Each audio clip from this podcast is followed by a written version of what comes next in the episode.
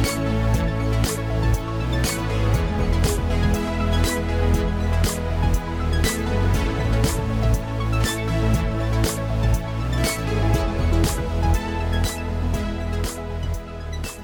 och hjärtligt välkomna till Stockholms dyraste podd med mig Rut Andersson och Mig Ylva Fredriksson. frågor vi ofta får är hur driver man igenom förändring? Hur får man folk att förändras? Och framförallt, eh, vi, vill, vi vet vad vi vill men hur ska vi få till det? Så att utifrån de här frågorna så har vi i dagens poddavsnitt bestämt oss för att prata om EDGE. En kraftfull modell för att beskriva hur förändring sker. Ylva och jag sänder nu från London där vi är på kurs. Ja. Eh, och eh, just de här tre dagarna har vi verkligen rullat oss i edge-teori. Eh, en teori som eh, man skulle kunna säga vars mamma är Margaret Whitley. Så det får ni gärna googla eh, om ni vill veta mer. Edge är en bra modell för att få förutsättningarna för att genomföra framgångsrikt förändringsarbete i en organisation, i ett team eh, eller en annan konstellation som du arbetar med. I det här fallet så pratar vi om Edge som ett verktyg för att använda i ett system av relationer. Det är en formulering vi kommer återkomma till eftersom vi ser ett skifte i hur man arbetar kring att eh, se eh, organisationer som små individer som måste eh, coachas och hanteras var och en för sig till en, eh, ett system av individer istället där systemet i sig utgör en tredje identitet som man arbetar med. Då ska vi gå igenom, börja med att gå igenom Edge-modellen i detalj. Och vi beskriver Edge-modellen som, och nu den modellen som man ritar upp. Eh, eller hur ska man säga? Själva modellen, hur den ser ut. På Ja. papper. Ja. Um, ritas som ett berg eller en uppåtvänd triangel. Där du på vänster sida har det primära läget, på höger sida det sekundära läget och toppen på berget är såklart edgen. Och det är den du ska ta dig över. Eller hela din organisation ska ta er över. Precis. Så hur beskriver vi det primära läget? Vad är det för någonting? Mm. Primära läget är ju där ni är idag.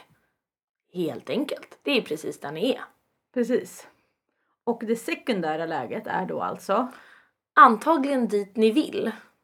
Eh, och det här är ju spännande att titta hur många sekundära lägen har ni? Eh, vill ni till samma plats? Eller har ni olika bilder om vart det är ni ska? Precis. Och det primära läget kan ju också för en individ vara en känsla av trygghet. Det primära läget är att jag känner mig kompetent på jobbet. Och det sekundära läget kan vara något som känns skitläskigt eller som inte är åtråvärt på något sätt. Precis. Och ofta så kan det ju bli en spridning här över vart man ligger någonstans i en organisation lite beroende på hur initiativtagande man har varit till den här förändringen. Om, om du till exempel sitter och tänker vi ska jobba mer agilt och googlar jättemycket på det. Då kanske du är väldigt långt fram i dina tankar medan din kollega som inte ens har liksom tänkt tanken kommer vara rätt långt bort från dig. Så ni är på olika ställen. Precis. Och då kan det ju vara så att du står redan i det sekundära läget och försöker få över dina kollegor från det primära läget utan att ni är medvetna om att den här, du har korsat edgen men dina kollegor har inte gjort det. Precis. Och när vi pratar om edge så pratar vi också om edge-beteende. Vad är exempel på edge-beteende Rutan? Ja, edge-beteende, eh, på, nu på kursen så har vi pratat om det som att du kan, du är en metalldetektor. När du ser de här beteendena då ska du få utslag för att det är tydliga indikatorer på att folk har börjat känna av den här edgen och förhåller sig till den.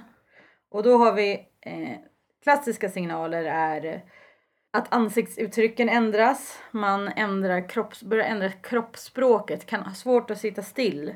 Eh, och när du tar upp den här förändringen ska, som ska ske så nervösa skratt, en klassiker. Folk börjar byta samtalsämne mitt i. Att eh, du kanske börjar prata om vikten av att ni ska börja arbeta agilt och sen så kanske någon kommer på att men kaffekokaren har gått sönder. Mm. Eller vill lägga till något annan punkt på agendan eller liksom inte vill röra sig till den punkten på agendan. Precis. Eh, akut dropp av energi. Alltså akut energidipp eh, liksom. Kan vi, där är en favorit. Det är Ylva som är min favorit när vi närmar oss en edge tillsammans. det, vi har mycket personlig erfarenhet av den men också känslan när man står i ett rum och ska leverera de goda nyheterna om vart man ska och känner att energin förändras till det sämre. Någon har dragit ut proppen i badkaret. Och att du som ledare av förändringen kan också känna dig blank helt plötsligt. Det är också en indikation på att eh, du närmar dig en edge eller att du känner av gruppens energi. Ja. För, ju, för, just de här klassiska, just de här klassiska eh, nervösa skratt, folk kan inte sitta still, man börjar hålla på med mobilen. Allt det är ett mänskligt sätt att förhålla sig till förändring. För förändring är av naturen jobbigt. Mm. Men förändring är också konstant så det är bara att gilla läget. Då har vi gått igenom Edge-modellen med prima det primära läget, det sekundära läget och eh, edgen i sig. Och det är viktigt också som vi har pratat mycket om du och jag att det primära läget och det sekundära läget, det finns ingen värdering. Det är inte bättre eller sämre att vara i det ena lägret. Där har jag jättesvårt att tycka det. jag tycker alltid att det sekundära läget är bättre. Och det är väl också det som är en viktig lärdom. Eh, om ni är som jag och Rutan, eller nu vet jag inte om du är det Rut, men om ni är som jag och tycker att förändring alltid är bra så ska vi veta att det faktiskt inte behöver vara så. Så det vi behöver göra är att ta in inputen och informationen från de som tycker någonting annat. För det är när vi samsas eh, och tar in varandras input som vi kommer komma till ett ännu bättre läge än vad vi hade gjort eh, separat.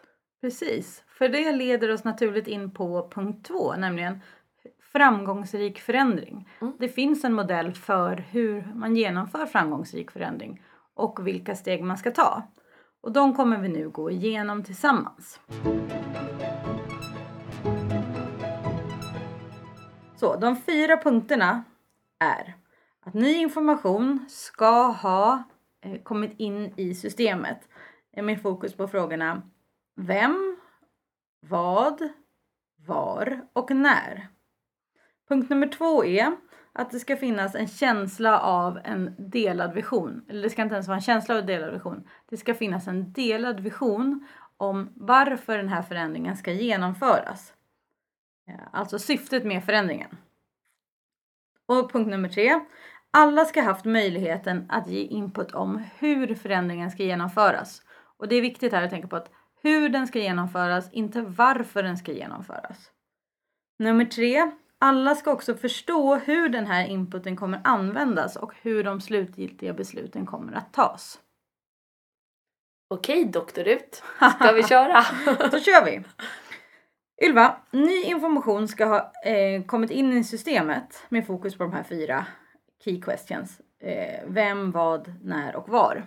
Eh, har du något case? Mm. Mm. Okej, lite kontext. Vi befinner oss på Expressen och det här är en förändringsresa. Eh, den eh, tidigare modellen som Expressen använde för att få ut digitala produkter var att de hade starka beställare inne i organisationen som var väldigt tydliga och specifika med vad de ville få ut. Den här beställningen skickades till en extern utvecklingsavdelning i outsourcad i något annat land. Efter ett långt tag så hade den här utvecklingsavdelningen eh, kodat ihop någonting enligt specen eh, och det fick godkännas innan det släpptes. Med den här modellen så eh, fick man, det var långa ledtider tog ett bra tag innan beställningen kom ut i produktion. Det var också så att eh, det låg väldigt mycket jobb på att krava ner saker för beställarna och också att ta beslut kring design och andra delar som kanske inte var bäst om de låg där. Kommunikationen med IT var också trög. Man satt i olika länder och det kanske var språkbarriär som man behövde verkligen eh, vara tydlig med hur man skickade in beställningen. Det är kontexten för mm. hur det här caset såg ut. Ja. Då vill man ta sig till ett nytt läge eh, och det var att kunna få ut produkter snabbt. Produkter som användarna älskade och att tillsammans med användarna ta fram nya produkter. Ett sätt att stärka den digitala närvaron. Man är i tidningsbranschen så man vet att eh, printutgåvorna, även om de fortfarande genererar mycket pengar så är de på nedåtgående. Man måste förskjuta affären till digitalt. Eh, och då går det inte att jobba på det här processet med de här ledtiderna och på det här tunga sättet för organisationen. Eh, så då handlar det här om skiftet från att gå från modell A till modell B. Det nya läget man ville till det var att eh, omorganisera eh, med resultatet att den tidigare beställaren blir en stakeholder som kan jobba mer affärsstrategiskt och lite längre ifrån en kravlista. Man stryker det här med kravlistor helt, helt och hållet och lägger istället in eh, ett user experience-arbete i mitten där man eh, bygger prototyper, man använder hypoteser, man försöker släppa saker ofta för att få in eh, data för vad användarna vill ha och utvecklar egentligen tillsammans med användarna. Eh, på det här sättet så kan man släppa ofta eh, och man kommer vara mer relevant med det man får ut. Du har en fin bild av hur det såg ut när förändringsarbetet skulle inledas. Eh, om du går igenom det första ingångsvärdet för framgångsrik förändring. Ny info. Då tycker jag att eh, ny info behöver komma in till systemet och det är ju att man börjar, man tittar ju på hur många eh, läsare man har av de digitala tidningarna. Det är info som man tar in. Eh, man tar också in info utifrån kring vad det är för nya produkter som kommer. Här är ett bra exempel att Apple Watchen, den första, släpps Eh, och där kan ju Expressen tänka till, är det här en produkt som vi vill kunna stödja med vår organisation?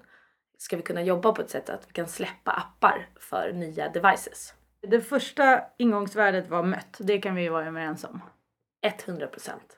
100 procent. Om vi går till tvåan då, att det ska finnas en gemensam vision om syftet med förändringen. Absolut. Även här väljer jag att svara 100 procent. För man, hela organisationen kände inte benet, den här viljan att kunna eh, leverera superrelevant till sina användare på ett sätt som de ville ta till sig informationen. Content var man redan stark på, man hade allt det här innehållet. Ehm, så det här handlade om hur kan vi få ut det på ett ännu mer relevant sätt för våra läsare. Så so far so good. 50 av ingångsvärdena är mötta. Ehm, då kommer vi till trean här hade alla möjlighet att ge input om hur den här förändringen skulle genomföras. Och det är här jag börjar dra mina lärdomar. Eh, det är väldigt lätt eh, om man är, som vi pratade om, om man, är, om man är van vid det här sekundära läget eller har jobbat väldigt agilt tidigare och ska genomföra en agil transformation så input från alla de som var vana med att jobba med UX eller som produktägare eller skarpa utvecklare, all den inputen fanns. Men här var vi svagare på att plocka in input från eh, den, den organisationen som fanns tidigare ehm, och hur man kunde jobba tillsammans. Punkt nummer tre är alltså att alla har möjlighet att ge input om hur förändringen kommer att genomföras. Mm, det var inte uppmätt. Det var inte uppmätt. Och fyra är alla förstår hur inputen kommer användas och hur de slutliga besluten är fattade. Ej heller uppmätt. Och nu har vi lite drama här i podden för det här ser ju ut att gå dåligt. Men det här är en solskenshistoria. Ja, vilken tur. Så eh, i och med att de här två sista punkterna inte var uppmätta så stötte vi naturligtvis på patrull. och då är det inte värre än att man behöver lära sig av sina misstag och förstå hur man ska göra det på ett annat sätt. Så det går alltså att rädda upp? Ja, självklart. Eh, så vad man valde att göra här det var att eh, göra ett, eh, man kan se det som ett pilotprojekt på det här nya sättet att jobba. Eh, och till det så hade man ett, ett, ett lekfull approach eh, och bjöd in folk att se hur, hur det gick till och hur det var. Så med andra ord så var det som, som ett test eh, och det var inte definitivt. Och sen så kunde vi också samlas och prata om okej, okay, vad är det som är bra med det här sättet att jobba och hur behöver vi anpassa det för att funka i vår organisation? För någonting som är viktigt här det är att man ska ära den kunskap som redan finns i organisationen och se till att använda den. Eh, för då kommer du få det bästa av båda världar. Du kommer få både det nya men också all den klokhet som sitter i väggarna det är någonting vi har pratat om på kursen som jag återkommer till att man ska ära det primära läget. Absolut. och um, vara tacksam för allt det man har fått lära sig där. Ja, eh, och det här är också därför man tittar så mycket på tvärfunktionella team. Man tittar på det ur kompetensperspektiv. Men det är också viktigt att titta på det kanske ur organisat, hur länge man har funnits i organisationen, vad man tar med sig in. Och förstå att eh, förstå att man kan använda det. Och nu, nu tänker jag på ett av Netlights gamla ledord. Allt gammalt är fult och allt nytt är vackert. Hårda bud. Men som jag förstår det på hur du berättar är att ni itererade mellan alltså input om processen och förstå hur inputen kommer att användas mm. fram och tillbaka några gånger. Mm. Så att ni liksom vickade där uppe på toppen. Helt och hållet. Man ja. behöver kalibrera sig. Eh, och det är inte ett så dumt sätt att röra sig framåt egentligen. För samtidigt så vill man ju också inte lägga för mycket tid på att prata om processerna. Eh, utan man behöver ju mixa snack med göra. För det kan vara svårt att förstå eh, bara när någon förklarar för en hur någonting ska göras. Så det är mycket lättare med ett upplevelsebaserat lärande. Under det här förändringsarbetet, vilka edge-beteenden såg du då? Och även edge-beteenden du såg hos dig själv? Mm. Eh, det, jag tyckte att man såg den klassiska stonewalling eller undvikandet. Eh, också energitapp i vissa lägen.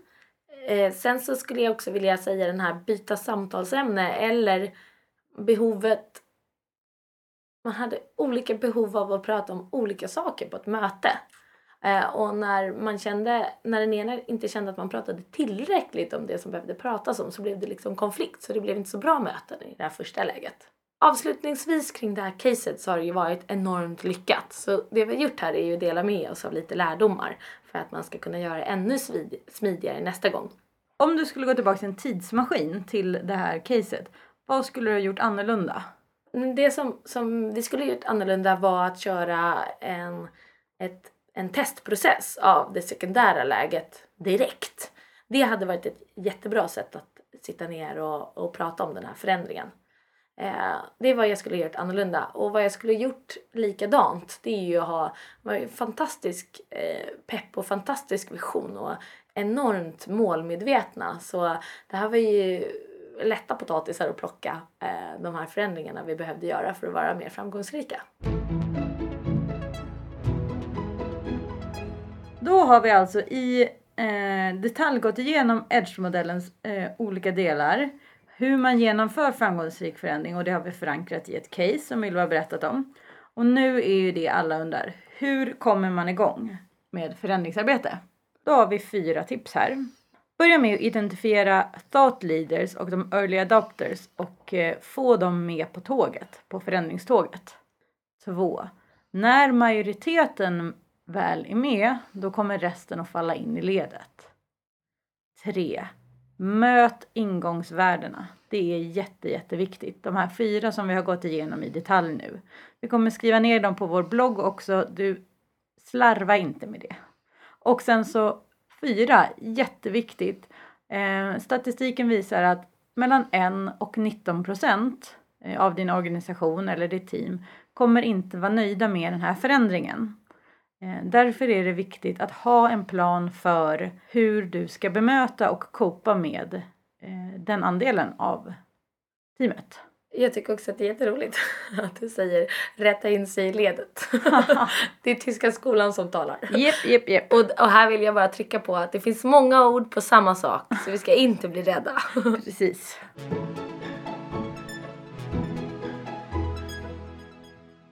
Okej Rutan, nu vill jag verkligen prata om våra erfarenheter från den här kursen. Kan vi göra det? Ja, gärna. Mm.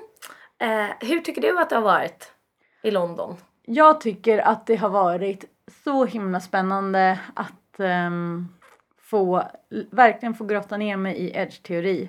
Och det har gett mig eh, jättebra verktyg i att kunna prata om förändring när det sker. Att man kan bli, hjälpa folk att bli uppmärksamma på vad edge-beteende är. Mm. Det kan finnas en anledning att du alltid känner att du måste springa ut ur konferensrummet när ni pratar om vissa saker. Alltså på ett sätt så har det ju varit väldigt plågsamt för att eh, man blir väldigt medveten om, om ens egna edge-beteenden och det är ju också ett sätt att kunna hjälpa andra ännu bättre.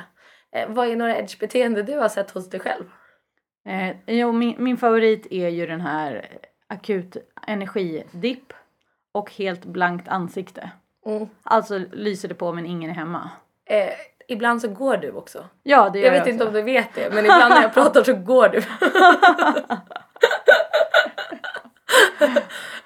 ja, mina är nog definitivt den här eh, blank, liksom bara blank, gå in i någonting. Energidipp. Eh, så att jag känner att det bara är en liten del av mig kvar i kroppen. Eh, och sen så brukar jag ställa mycket frågor. Så här, hur, varför, eh, liksom försöka eh, flaxa som en fågel kring vad vi, hur vi ska ta oss framåt. En sak som jag tycker var väldigt fin som vi har fått lära oss att, att um, en o, det som kan utifrån kan upplevas som en ovilja till förändring kan vara en sorg över att behöva lämna det primära läget. Mm. Sentimental. Ja, sentimentalitet. Det är också roligt att träffa folk eh, från så olika kulturer. Eh, vi har ju lärt oss mycket om, eh, om det här med vilka ord och vilka gester man kan använda i olika länder och att det är så himla annorlunda. Eh, men att man inte vet det, så man förutsätter ofta att det är samma sak. Precis. Och eh, det är också jätteinspirerande och roligt att se att alla bara kör på. Ja. Eh, det är eh, det är som att alla har bestämt sig för att jag ska inte hålla tillbaks nu på kursen och vara orolig ehm, vad folk tycker när jag gör den här övningen. Det är mycket interaktionsövningar som vi gör här. Så jag är imponerad och inspirerad av de andra deltagarna. Eh, sen så eh, en edge uppstod för mig när, eh, när du eh, hojtade till alla deltagare när vi skulle gå ut och dricka kaffe om det var någon som kunde fota oss inför vår artikel som kommer ut i Veckans Affärer. Eh, det var svinjobbigt tyckte jag. Och då var jag så glad att jag jobbar tillsammans med dig som inte tycker att sånt är jobbigt. Har vi några spaningar den här veckan? Jag tycker att jag fått ännu mer bekräftat på att eh, det här skiftet du och jag pratat om till systembaserad, eh, syste- systembaserat ledarskap. Mm. Vad har du sett då? Jag har sett hur kraftfullt det kan vara och tidseffektivt. Att istället för att plocka ut varje enskild individ, coacha den, eh, ha enstaka möten med att faktiskt fånga upp hela gruppens energi eh, och vilja. Att det går, det går liksom att kondensera på något sätt Mm. och agera på det istället för de enskilda individerna. Det blir mer kraftfullt och mer varaktigt. Mm, precis, det där du säger med varaktigt är jätteviktigt för att eh, om man coachar, det är ju sällan den enskilda individen som, där problemet ligger utan det är ju vad som händer när de här människorna är i grupp tillsammans. Det är bara att titta själv hur du är när du är med en person och sen hur du är i ett annat sammanhang. Ibland är du pratig, ibland är du tyst. Eh, så på samma sätt så går det kanske inte, det går inte att adressera de här problemen i, på enskild nivå utan det måste adresseras på gruppnivå. Precis. Så, men det kräver ett helt annat skillset. Verkligen och eh, det känns det känns lyxigt att vi har kunnat vara en helg i London och få slipa på det skillsetet. Ja, lätt! Eh, och jag tycker också att det är roligt att, att man börjar höra fler och fler förstå det här och det fina i kråksången. Kanske för att det är en tid där digitalt inte är en, eh, där digitalt är en icke-fråga. Man har börjat förstå att det är så himla mycket förändring som behöver ske hela tiden. Någonting jag tycker är roligt det är det vi jobbar med i mina team på eh, Spotify där vi tittar på developer experience istället för user experience. Att vi tittar på hur kan vi stödja andra eh, feature backend-utvecklare eh, så att de kan lägga mer tid på kreativitet och skapande och mindre tid på baseline och saker de måste göra för att få ut sin kod i produktion. Veckans tips? Jag tipsar om restaurangen Polpo i London där jag har ätit middag nu två kvällar i rad. Alltså kommer ni till London, ät där. Så jäkla nice. Och man får maten snabbt. Det är en viktig feature för mig. Vad fint. Mitt tips den här veckan är att i en mingelsituation mingla iväg om det inte känns givande längre.